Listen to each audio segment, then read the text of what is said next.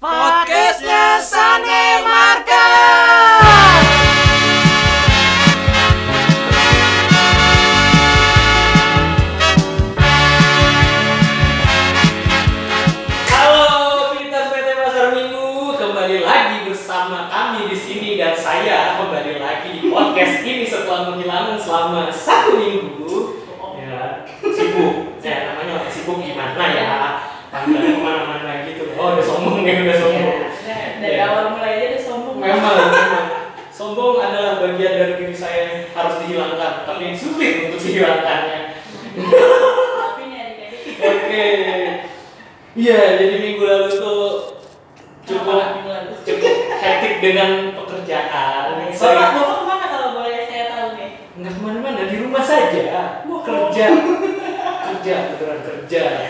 Kerja ya teman-teman. Ya, kemarin minggu lalu saya di sini sama ini. Sama eh, siapa? siapa? Apa itu apa? eh, Makhluk. Bukan, bukan. Mau mau kalpa gitu maksudnya. Alfa ya sama. Makhluk hidup kan? Iya, sama makhluk hidup Ya, yang alfa ya. pokoknya ciptaan Tuhan juga betul ya kan? Ya. Oke. Semoga. Oke, minggu lalu sama Alfa ya. Iya. Puas ya kalian ngomongin saya ya. Alfa duluan yang mulai. Gak apa-apa, gak apa-apa. Pantas kemarin tuh di rumah panas gitu Upin ya kan. Oke, Kak Yumi, Iya. kita ketemu lagi. Iya, betul. Berapa kali ketemu sama Kak Yumi ya? Ada adik-adik saya juga bosan di sini. Ah, eh enggak enggak boleh enggak boleh bosan. Gak Kak. boleh bosan. Karena untuk mencarikan firman masa bosan ya Betul. adik-adik. Kalian juga yang dengerin jangan bosan ya kalau yang menyampaikan saya, Saya dan saya. ya saya dan teman saya ini yang kemarin Yoi. sibuk. Oke, Kak Yumi. Iya Peto, gimana? Minggu ini topiknya lumayan menarik nih. Mm-mm, betul, karena kita minggu lalu itu kita bahas kita perjanjian lama terus nih Mm-mm. Yeskiel, ya kan Nabi Yeskiel, jadi terus kita juga minggu kemarin di tanggal 3 Mei kita bahas tentang Nabi Musa, tapi minggu ini tanggal berapa nih? Tanggal 10 kita bahas dari kita perjanjian baru kak. Oke, akhirnya ada perjanjian baru teman-teman. Ah, jelas dong kak. Kalau nggak mungkin kalau nggak kita nggak mungkin ada di sini. Betul. Kalau kita di perjanjian lama udah lewat kayaknya. lewat sama lembu-lembu ya sama Ah, lembu ya, sudah jadi bahan korban Iya, sekarang. oke. Eh, minggu ini kita bakal ngebahas dari mana tuh kayak di perjanjian barunya Kita akan bahas dari kitab yang ditulis oleh surat ya, eh, surat, surat, surat, surat ya? Surat, surat adik-adik maaf, surat yang ditulis oleh Rasul Paulus oke. Kak. Ya, Rasul Paulus adik-adik tahu lah ya siapa, gitu nanti kita akan jelasin juga. Oke, nanti bahas siapa itu Betul. Paulus siapa tuh ada yang lupa sama Iya. sama karantina ini sampai lupa rasulnya siapa aja namanya siapa aja gitu ya Ya, siapa sih Rasul Paulus ya kan? Terus Rasul Paulus punya teman siapa? teman gitu. pelayanan ya Iya kak teman Oke. pelayanannya. Tapi sebelum kita bahas itu lebih dalam, kita buka lewat Kok lewat doa, dalam doa. Mas doanya lewat. Tidak boleh dong. Ini bercanda Dalam- orang tua nih. Gak asal ya. Doa ya. Oke, adik-adik. Saya atau kakak? Kayumi. Oh ya, ya. Adik-adik seperti biasa sebelum kita masuk ke dalam doa jangan lupa Alkitabnya dipersiapkan. Betul. Alkitabnya dipersiapkan. Lalu kalau memang ada yang mau adik-adik tulis supaya adik-adik ingat boleh disiapkan pulpen dan juga kertasnya. Atau Baru- buku catatan ya. Ya, buku catatan. Biar nanti kalau misalnya nanti mau papa tanya, hari ini Pak KPT sharingnya apa? Ini mah baca sendiri. Ya. Baca sendiri, bukan dijelaskan ya. kan? Iya, ini mah aku ada catatannya gitu maksudnya. Aku bacain ya, mah. Iya. Oke, adik-adik. Sebelum kita eh, membaca firman Tuhan, sebelum juga Kak Ilmi dan Kak Kristo sharing, mari adik-adik kita satukan hati kita berdoa. Tuhan Yesus yang baik, terima kasih Tuhan untuk kasih setiamu kepada setiap dari kami Tuhan anak-anakmu. Tuhan pada hari Minggu ini Tuhan kami kembali datang Tuhan untuk mengucap syukur dan memuji Engkau. Terima kasih Tuhan pada hari Minggu ini juga Tuhan kami akan kembali mendengarkan firman-Mu, kami juga akan membacanya serta mensiarkannya Tuhan. Kiranya Tuhan boleh mempersiapkan hati dan pikiran kami. Berikanlah kami roh hikmat-Mu Tuhan supaya kami dapat memahami dan mengerti dan kami juga bisa menjadi pelaku firman-Mu dalam kehidupan kami sehari-hari. Terima kasih Tuhan ya doa kami Kau sangat baik. Amin. Amin. Oke, kita buka dari mana nih Adik-adik, tadi kan Alkitabnya sudah dipersiapkan. Nah, sekarang waktunya kita buka dari kitab Wah langsung ketemu nih satu Korintus. satu ya. Korintus pasalnya yang keempat. Satu Korintus pasalnya yang keempat ayatnya yang ke-6 sampai dengan 14. Oke, 1 Korintus 4 ayat 6 sampai dengan yang ke-14. Yes, betul. Sudah ya adik-adik? Ada ya, di Alkitabnya ada ya kita Korintus ya. Korintus itu sebelum Wahyu ya. Oh iya. Kayak banget sih. Oke lanjut ya adik-adik. Kalau kayaknya maunya baca sendiri kan itu terlihat egois ya. Kita kan nggak mau terlihat egois, jadi kita bacanya secara bergantian dan berbahasan ya Kak Kristo. Yes. Kalau di minggu ini, kalau dari SBT Kak, Hmm. temanya itu menegur dengan kasih. Oke. Ya, Ya. menegur dengan kasih. Yang namanya negur seharusnya emang nggak usah pakai kasih ya, negur Biasanya menegur dengan ngegas. ya. Negur aja gitu. Tapi ini sekarang menegur dengan kasih ini maksudnya apa? Apakah menegur dengan kasih itu kayak kaito? Oke. Oh, sorry. Ini kayaknya cuci tangan ya. Saya tidak membawa virus Oke. corona kebetulan. Itu menegur oh kita iya. nanti akan lebih dalam ya oke. kasih itu seperti apa sih maksudnya? Hmm. Tapi di perikop bacaan dari uh, Satu 1 Korintus Korintus. pasal 4 ayat ayat ke-6 sampai dengan 14 ini perikopnya adalah rendahkanlah dirimu. Saya udah rendah secara. Ya, aku nggak bilang.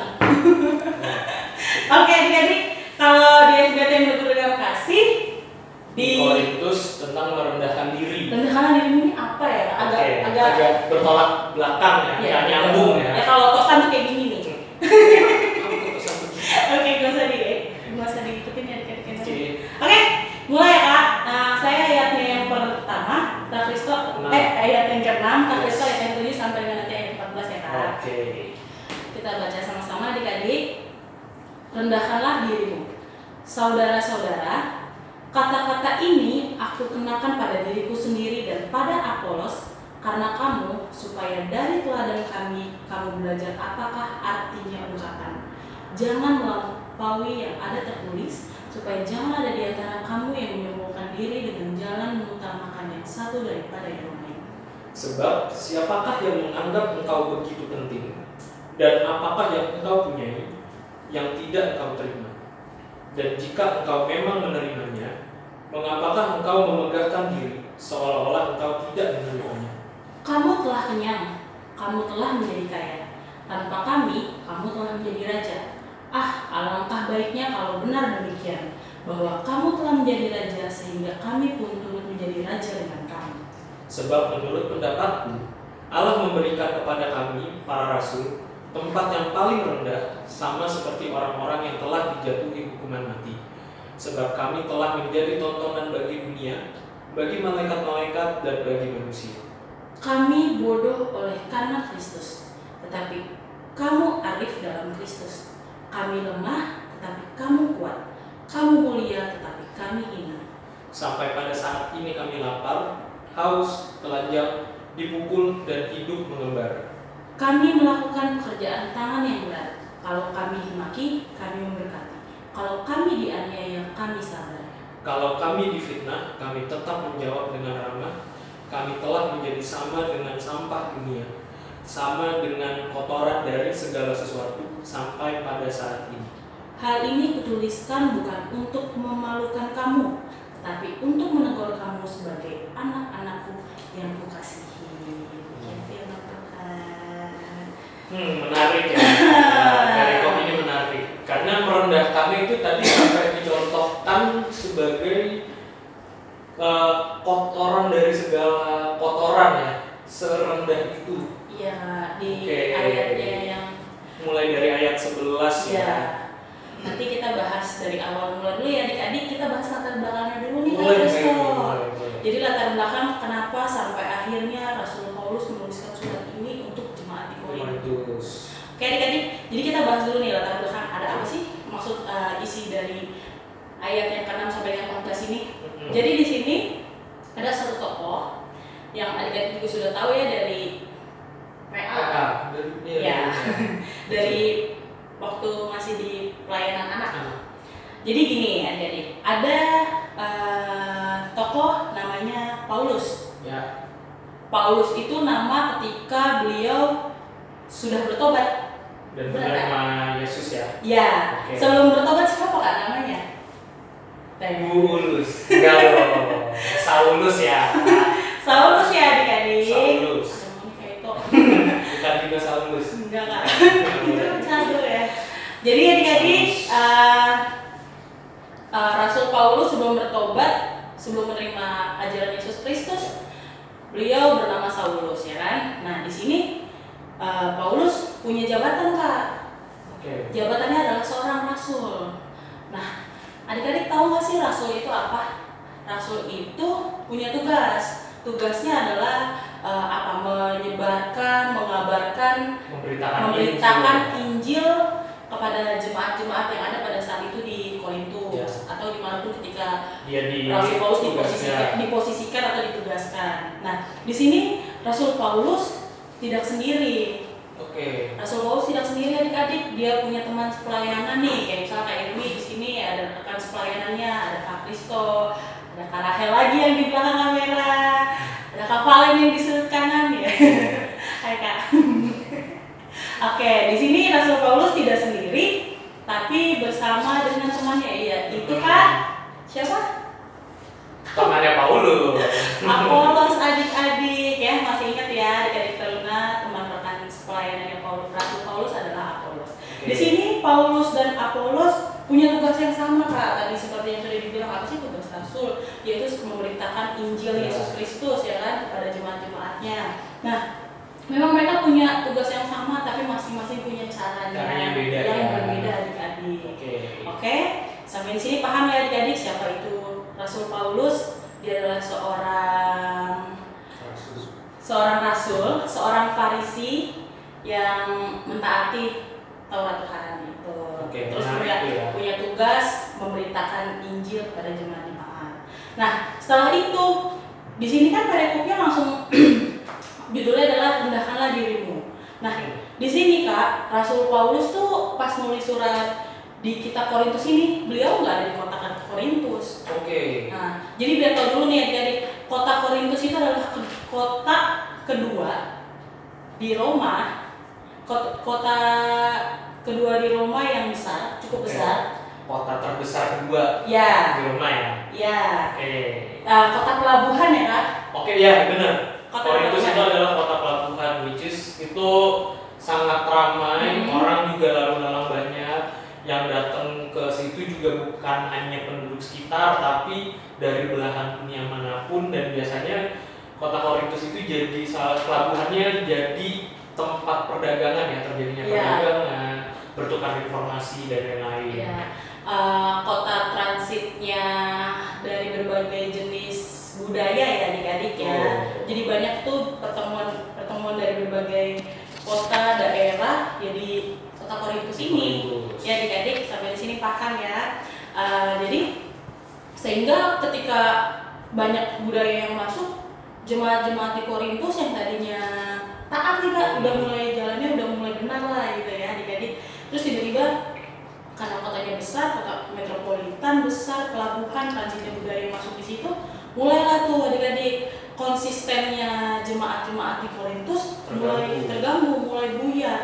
Mulailah tuh yang namanya ada bahasa kasarnya adalah pelacuran ada di situ Oke. perzinahan terus mulai adalah tuh eh, apa menyembah berhala-berhala lain mengikuti upacara-upacara yang seharusnya tidak dilakukan. Iya, oke. Nah, di sini eh, Rasul Paulus mendapat surat dari keluarga Chloe namanya. Oke, keluarga Chloe. Ya, keluarga Chloe eh, melaporkan kepada melaporkan ya bahasanya. Cepu jadinya ya. Cepu ya, Cepu coba banget. sekarang ya. Keluarga Chloe menuliskan surat kepada Rasul Paulus yang pada saat Langsung ya. itu Rasul Paulus posisinya adalah di kota Efesus. Oke. Ya, jadi ketika dia menegur di sini, menegurnya nggak secara langsung, tapi melalui sebuah surat, Surat. kepada jemaat Korintus.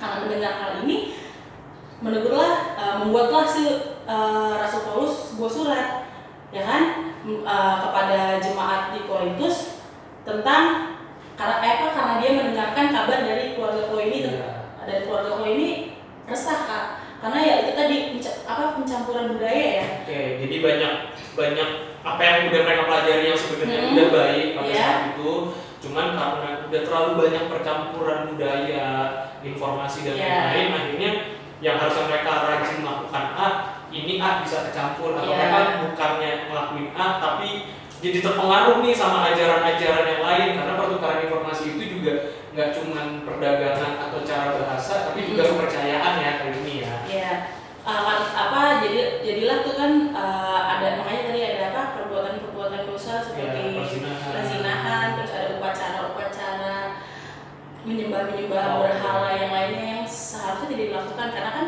di sini Rasul Paulus sudah memberitakan Injil Ya. ya kan? Taatnya harusnya hanya kita menyembah harusnya hanya kepada Yesus Kristus. Yes. tapi di sini mereka sudah mulai melenceng lagi. Nah, di sini Paulus uh, kita tadi sudah baca tentang uh, perikopnya rendahkanlah dirimu ya kan? Adik-adik bisa kita bisa lihat lagi nih kak di ayatnya yang keenam. Ya kan? Oke. Dia bahasanya halus ya. Beliau ini menulisnya halus sekali saudara-saudara kata-kata ini aku kenakan pada diriku sendiri dan pada Apolos jadi gini adik-adik sebelum Rasul Paulus uh, menegur jemaat di Korintus. Dia sudah ditegur duluan. Dalam artian seperti ini sebelumnya Paulus uh, Paulus kan punya nama ya tadi ya dia itu Saulus itu Ya. ketika sebelum bertobat. Hmm. tapi ketika dia sebelum bertobat dia ditegur langsung oleh Yesus Kristus kan. Akhirnya bertobat lalu ganti nama lah. Jadi Paulus. Paulus ya kan jadi nah jadi sebelum dia menegur orang lain dia juga sudah ditegur. Ditegur. Bila uh, berkata seperti ini. Jangan melampau, melampaui yang ada tertulis supaya jangan ada di antara kamu yang menyombongkan diri dengan jalan mengutamakan yang satu daripada yang lain. Karena kota karena Korintus adalah kota metropolitan otomatis orang-orang di sana itu orang-orang yang bisa dikatakan hampir rata-rata beruang kayak orang-orang tajir ya Ya, mereka semua punya kedudukan tinggi, mereka semua punya materi yang cukup gitu loh kak. Ya. Karena kan kota pelabuhan ramai gitu Ya. kan, pendapatannya ada. mungkin kayak kota Jakarta ya kalau misalnya di Ah. sekarang ada pelabuhan Tanjung Priok ya Betul kan? Kayak gitu. Nah, itu eh, yang pertama ya kak. Hmm. Kenapa sampai akhirnya Paulus menulis surat ini? Yang pertama itu karena eh, di sana di kota Korintus adik-adik mereka itu adalah kota metropolitan, masuknya budaya banyak, terus mereka mulai eh, menyombongkan diri nih kak, menyombongkan diri dengan apa yang mereka miliki. oke Itu yang poin pertamanya. Oke. Jemaat di Korintus mulai menyombongkan diri dengan apa yang mereka miliki. karena tajir ya Karena tajir kan mereka memiliki tadi jabatan dan Ya.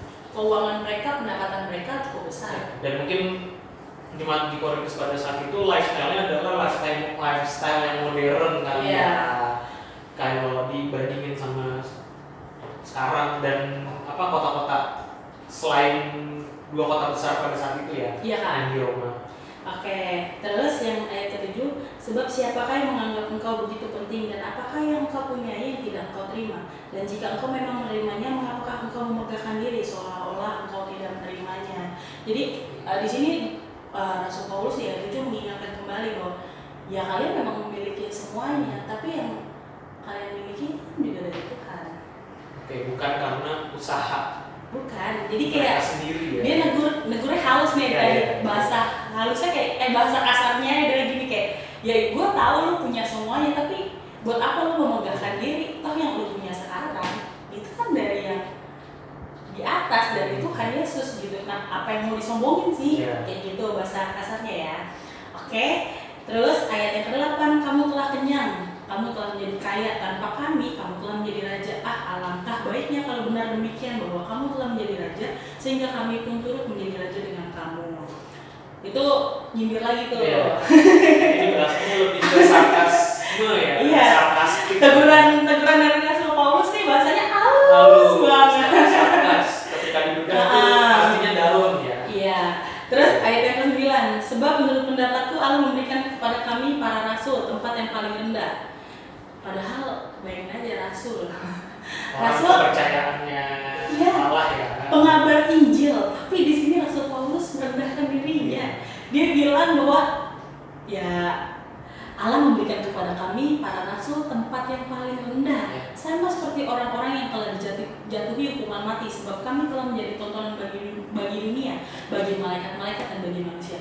Dia mak Rasul Paulus malah bilang kayak ya jabatan rasul itu rendah. Udah paling rendah. Iya, yang setara sama orang yang dijatuhi hukuman mati. Iya. Ya kan? Padahal harusnya kayak seorang rasul itu terpandang. posisinya tinggi, Iya. ditakuti. Betul. Karena- Mungkin kayak lihat pendeta Iya. zaman sekarang ya, kayak Iya. kita segan dengan kehadiran sosok pendeta. Iya, setidaknya dihormati dan dihargai ya. Hmm. Jadi tapi di sini Rasul Paulus pada saat itu Malah ya, kebalikannya. enggak, enggak sama sekali, malah dianggap biasa aja Iya. sama masyarakat Korintus, masyarakat Korintus. Lanjut ya adik-adik.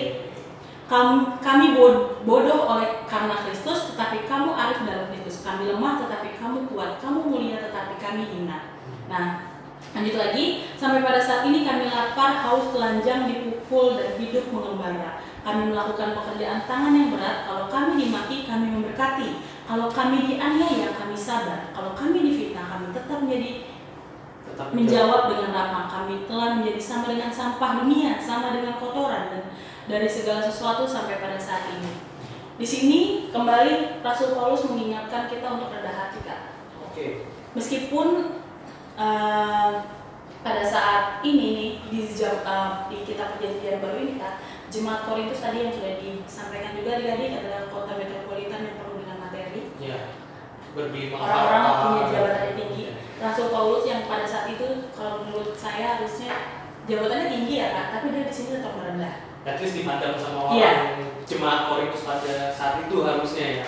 Ya, kedudukannya. di ayat 12 ini kami melakukan pekerjaan tangan yang berat. Kalau kami dimaki, kami memberkati. Bayangin aja lu dimaki sama Ya. orang gitu adik-adik. Normalnya kan kalau dimaki balas maki, Iya. ujung-ujungnya berantem. Iya, kami di eh, kaito gitu kan misalnya dibilang ah dasar kamu so pintar gitu. Gak gitu ya. otomatis kan kita responnya pastinya ganti Iya, akan marah. akan mati Pasti balik iya. kan kak tapi di sini Rasul Paulus mengingatkan bahwa jangan kayak gitu Hmm. kalau kalau kita dimaki ya kita harus memberkati gitu terus yang selanjutnya kami memberkat eh, kalau kami dianiaya kami sabar dalam artian ya ketika Rasul Paulus di sini dianiaya loh dengan kata lain ketika dia ngasih ngabarin Injil nggak semua orang mendengarkan kak Teraniaya secara batin. Iya, ya, secara iya. batin. Tapi dia tetap, tapi dia tetap sabar adik-adik. Tetap ya udah emang eh, saya tetap mau melayani itu yang saya lakukan hanya untuk Ya. melayani nama Tuhan. Ap- apa yang eh, posisi rasul, jabatan rasul ya kan adik-adik itu Tuhan Yesus yang kasih gitu. Ya. Apa yang mau disombongin dari apa yang Rasul Paulus miliki. Dan mungkin poin sabarnya juga ketika dia ditolak sama orang bukan Iya. berarti terus Paulus berhenti sampai situ terus nggak melayani tapi Iya. justru sabarnya adalah ketika dia ditolak dia mencari cara lain supaya firman ini bisa tetap nyampe ke orang-orang yang menolak dia itu juga bentuk bentuk sabarnya Paulus ya pada Iya. saat itu Nah, di sini kan posisinya jemaat Korintus itu kan merasa ada mereka merasa bahwa mereka adalah jemaat yang paling superior lah ya ya adalah jemaat yang paling hebat gitu kan. Hmm. Nah, sekarang eh, kita udah dengar nih tadi Rasul kenapa sampai akhirnya Rasul Paulus menuliskan surat ini Ya. ya kan karena untuk menegur jemaat Korintus yang pada saat itu sudah mulai melenceng lagi nih padahal posisinya Rasul Paulus tidak ada di Korintus Korintus. malah beliau ada di Efesus Efesus ya adik-adik ya. Nah, di sini intinya adalah Rasul Paulus mengajarkan kita untuk rendah hati. Rendah hati ya rendah diri ya Iya, rendah hati ya adik-adik bukan rendah diri.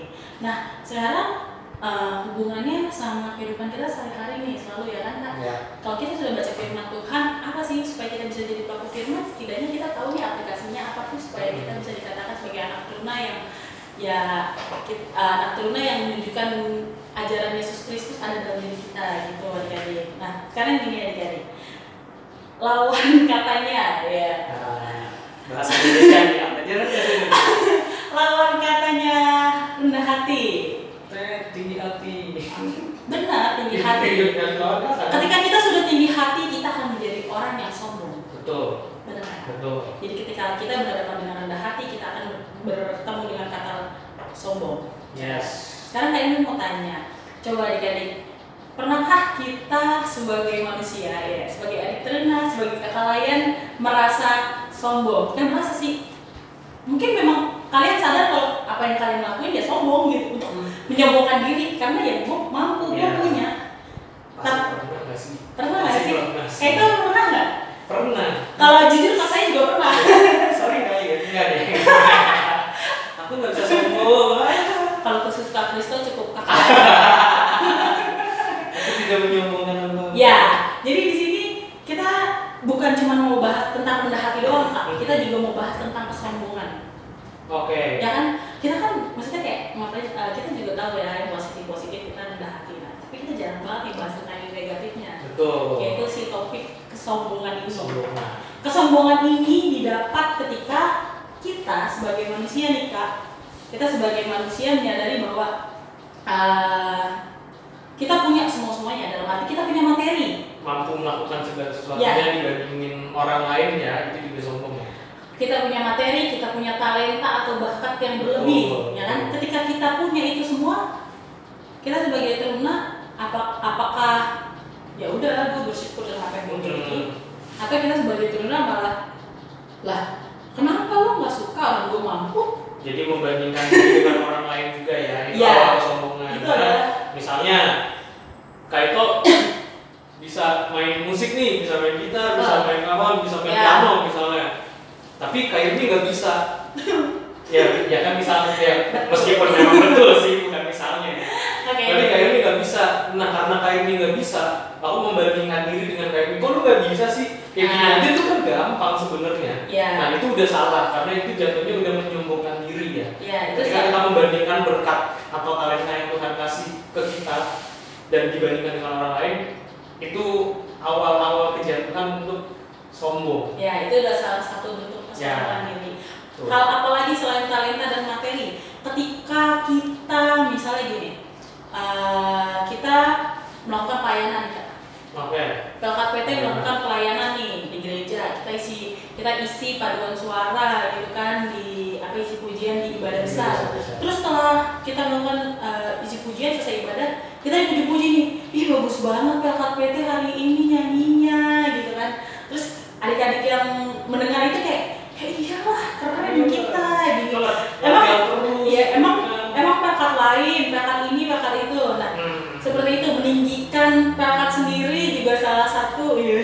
Mending, mending, Mending- meninggikan, meninggikan diri sendiri, diri sendiri. dan merendahkan yang lainnya. Ya, misalnya itu kan misalnya ya, jadi kayak bakat PT yang bagus terus kita bilang bakat lain tidak bagus atau organisasi yang ini bagus, organisasi yang yang Itu enggak. itu tidak. Itu juga salah satu bentuk kesombongan Iya. kak. Dan sekarang kalau di sosial media pun juga sebenarnya bisa jadi sarana buat sombong loh. Menyombongkan diri. Tanpa kita sadari dan ini kayaknya sering banget kita bahas ya. Ya. Sombongnya gimana? Bisa baru kayak aku ke sini sendiri nih. Apa nih? ya. Misal kalian beli suatu barang ya kan. Aduh, Hmm. Firman ini mengena sekali. Oke, misalnya kalian beli satu barang, misalnya sepatu baru gitu. Kalian beli sepatu baru, terus di post di stories Instagram atau di Facebook kan ada storiesnya juga Iya, ya, stories ada. Facebook atau kalian post di Instagram kalian di foto gitu. Balik lagi niatnya kalian ketika ngepost itu ketika mau pamer pamer ya kita ngomong ketika ngepost itu mau pamer itu udah bentuk kesombongan diri Kesombongan diri. ya betul ya atau kalian lagi apa Padahal maksudnya padahal niatnya cuma mau post aja tapi Hmm. kan kadang cuman mungkin secara tidak langsung juga orang lain yang melihat kayak apa sih ini orang pamer banget. Nah, kalau menurutku sih, ya, orang jadi asumsi. Cuman kalau menurutku balik lagi ke konteks. Ah. Ketika memang kita ngepost hal tersebut, misalnya baru beli sepatu atau punya gadget baru terus dipost di Instagram atau di sosial media, niatnya kita apa? Niatnya kita memang mau bersyukur atau kita karena seneng sama hal itu dan pengen orang lain sekedar tahu aja atau emang niatnya adalah untuk gue punya barang baru nih orang mesti tahu kalau gue punya duluan. Gue punya nih sneakers Nike Air Jordan terbaru orang lain masih pada nggak punya. Mereka pasti bakal iri sama gue nah kalau kayak gitu itu konteksnya salah. Iya. kecuali kalau nah, kalau aku jujur misalnya kemarin aku baru beli sneakers nih ya kan? Lokal brand. Aku ngepost itu. Ekspresi gue. iya. Lokal pride banget anaknya. Oke, lanjut. tapi tujuannya ngepost itu adalah untuk orang notice bahwa ternyata uh, produk-produk lokal atau brand-brand lokal baik itu sneakers atau outerwear lainnya itu bagus loh dan orang-orang tuh mesti tahu itu gitu loh. Kalau konteksnya itu menurutku itu baik karena itu tidak menyombongkan dan aku juga tidak punya niat untuk menyombongkan apa pun ya. Tapi pengen tahu oh ternyata produk dalam negeri kita bagus kok dan mau bersaing sama produk luar negeri kenapa enggak untuk orang lain tahu? Nah, itu uh, positifnya seperti itu ya adik-adik. Nah, sekarang kan tadi kita sudah bahas tentang kesombongan. Kesombongan intinya uh, kesombongan itu adik-adik juga tahu itu adalah perbuatan atau sifat atau karakter yang tidak baik. Ya yang seharusnya tidak kita lakukan. Maksudnya kita ngapain sih sombong gitu? Lu lu mau nyombongin apa? Kalian mau nyombongin apa gitu loh. Sedangkan apa yang kita punya itu yang pasti kan Tuhan. Tuhan dan selalu ada orang yang punya lebih dibandingin apa yang kita punya Iya. jadi ketika kita mau sombong misalnya kita sombong kita punya mobil merek A tapi ternyata orang punya mobil yang jauh lebih bagus dari apa yang kita sombongin karena di atas langit masih ada langit ya meskipun maksudnya meskipun ada yang lebih dari kita kita juga tidak tetap baik untuk mengikuti ya. karakter atau sifat sombong Iya. itu sendiri intinya kita harus harus waspada dengan kesombongan Sombong. Karena itu adalah karakter yang tidak seharusnya adik-adik teruna atau kakak lain uh, untuk lakukan lakukan. Nah, kita tadi belajar uh, di perkop dari satu apa dari satu Korintus ini tentang rendah hati. Ya kan lawan lawan hati. Ketika rendah hati ada nih ada lawannya yaitu si kesombongan. Ya. Nah, kita harus belajar untuk rendah hati karena sih di sini juga Rasul Paulus mengingatkan kita untuk menjadi uh, manusia jemaat adik-adik teruna atau kakak layan yang rendah hati. Dalam uh, bagaimana sih kak uh, untuk mengukur apakah kita sebagai manusia sudah rendah hati atau belum? Ada nggak di sini ada. Kalau kalau dari kalau aku ya kalau pribadi ketika kita tahu untuk kita tahu bahwa kita udah rendah hati seperti apa kalau aku sih bersyukur bersyukur. Bersyukur. Karena ketika Ah. kita bersyukur berarti kita menyadari bahwa kita bukan apa-apa dan Tuhan adalah sesuatu. Karena balik lagi apa yang kita dapat selama ini itu semata-mata karena pertolongan atau berkat dari Tuhan. Ya.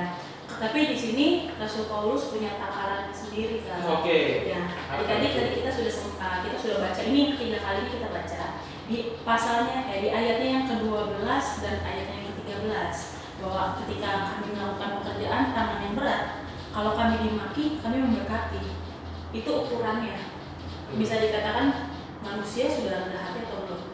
Ya ini ketika lu dimaki, lu malah memberkati. ketika mendapatkan sesuatu yang negatif tapi orang ini bisa tetap positif Mm-mm. membalasnya dengan positif Ketika kalian dianiaya, kalian harus sabar. ayat 12 ini dibilang seperti itu terus kalau kalian difitnah kami tetap menjawab dengan ramah ya kan berarti kayak ya udah biarin aja gitu toh kalau namanya fitnah kalau kita tidak benar untuk apa kita uh, emosi untuk apa kita emosi, klarifikasi dan segala ya. macam terus di sini juga dibilang um, kami tetap menjawab dengan ramah, kami telah menjadi sama dengan sampah dunia, sama dengan kotoran dari segala sesuatu sampai pada saat ini.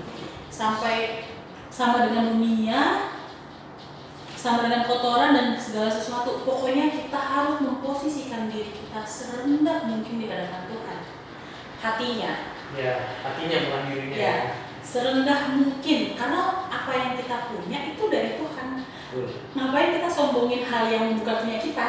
Oh, Untuk apa kita menyombongkan hal yang dikasih sama orang lain?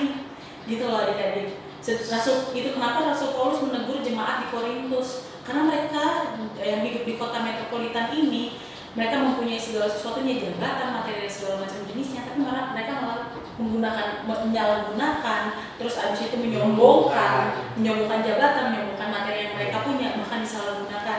Itu kenapa si Rasul Paulus menuliskan surat ini untuk menegur jemaat di Korintus. Nah seperti itu adik-adik ketika kita uh, punya segala sesuatu. Misalnya kita punya fasilitas yang lebih dari kawan lama ya? Ya. Terus kita punya sesuatu hal yang bakat talenta. Ya kita juga talenta atau bakat yang kita punya itu juga dari langit. Tuhan Iya, udah kasih dititip ya, dititipkan dititipkan. untuk dikembangkan Betul. untuk kita ajarkan juga ke orang lain. Betul. untuk apa di? Uh, sombongkan itu itu yang seharusnya tidak dilakukan. Betul. karena seharusnya yang ditinggikan adalah bukan diri kita tapi Tuhan Yesus. Oke. sikap dan perbuatan ya kemuliaan hanya untuk Tuhan Yesus Kristus bukan kemuliaan untuk kita untuk untuk manusia nggak ada. Gitu. Jadi ketika adik-adik punya sesuatu yang dititipkan sama Tuhan hidup kita ini ya dikasih sama Tuhan ya supaya kita bisa uh, jadi berkat jadi berkat dan mengabarkan juga berita Injil apa yang diajarkan oleh Tuhan Yesus ke teman-teman kita ke saudara-saudara kita intinya itu adik-adik kita harus rendah hati kita harus waspada dengan kesombongan karena secara tidak langsung juga kita meskipun kita bermaksud tidak sombong tapi biasanya orang-orang orang lain bisa mengasumsikan kalau apa yang kita lakukan sombong atau Yes. mungkin memang kita nggak niat sombong tapi ya karena kalian suka ngepost ini ngepost itu segala macam orang jadi berasumsi Iya, itu sombong sombong banget. Atau mungkin secara sengaja Hmm. kalian punya fasilitas yang lebih, terus kalian pamerkan di media sosial misalnya, misalnya ya tadi kalian ya secara sengaja untuk menyombongkan diri. itu yang salah Padahal tadi sudah diingatkan bahwa kemuliaan hanya untuk Tuhan. Untuk apa kita meninggikan diri kita sendiri? Karena yang harus ditinggikan adalah Yesus Kristus. Jadi kita harus belajar rendah hati dan yang kedua kita harus waspada dengan kesombongan karena kesombongan itu timbul ketika kita sebagai apa ya manusia uh, merasa mem, ya tadi memiliki sesuatu kelebihan. dan tambahin dikit kan ini sombong itu juga bukan soal materi tapi Ya. sombong rohani pun juga bisa ya. Sombong dan itu sering banget terjadi kayak misalnya udah rajin pelayanan Hmm. rajin baca Alkitab. Dan ketika kita ketemu orang yang jarang baca Alkitab atau jarang gereja misalnya terus langsung ngejat lu tuh orang ini berdosa banget karena lu gak baca Alkitab kayak gue dong lu baca Alkitab gitu nah itu itu juga sombong rohani dan agak harus diwaspadai ya Iya. bukan agak emang harus diwaspadai ya Iya. gitu jangan merasa karena diri kita dekat sama Tuhan terus kita boleh merendahkan orang ngejudge Iya. orang bahwa dia Maksudnya berdosa gitu. Maksudnya Tuhan Yesus saja turun ke dunia merendahkan hati, merendahkan dirinya Hmm. biar sama kayak manusia. yes Lah kita yang manusia meninggikan Hmm. diri gitu untuk Nah, ya boleh. itu yang tidak boleh ya adik-adik kita harus belajar dari Yesus Kristus kita juga harus belajar seperti Rasul Paulus ya dia punya jabatan rasul tapi dia tidak membanggakan diri dia tetap rendah hati meskipun orang-orang di jemaat Korintus tidak mau mendengarkan. Ya udah Paulus adalah salah satu sosok yang rendah hati. Ya itu aja sih adik-adik. Semoga kita bisa jadi anak-anak yang mau selalu belajar rendah hati untuk setiap tahun meskipun sulit tapi kalau kita memang memiliki kemauan Kemauan. melakukannya pasti bisa pasti bisa. Jangan lupa ya adik-adik setiap hari harus saat teduh, harus berdoa supaya makin dekat dengan Tuhan, supaya makin ngerti Tuhan pengennya apa di diri kita seperti itu. Amin. Itu dari aku. udah cukup aku nggak ada tambahan karena udah lengkap ya kalau ngomongin Ya. si sombong ini Oke, Kak Ito, kita langsung tutup dengan doa aja boleh ya. silakan Oke, adik-adik, mari kita tutup hati kita, kita kembali satukan hati, kita berdoa.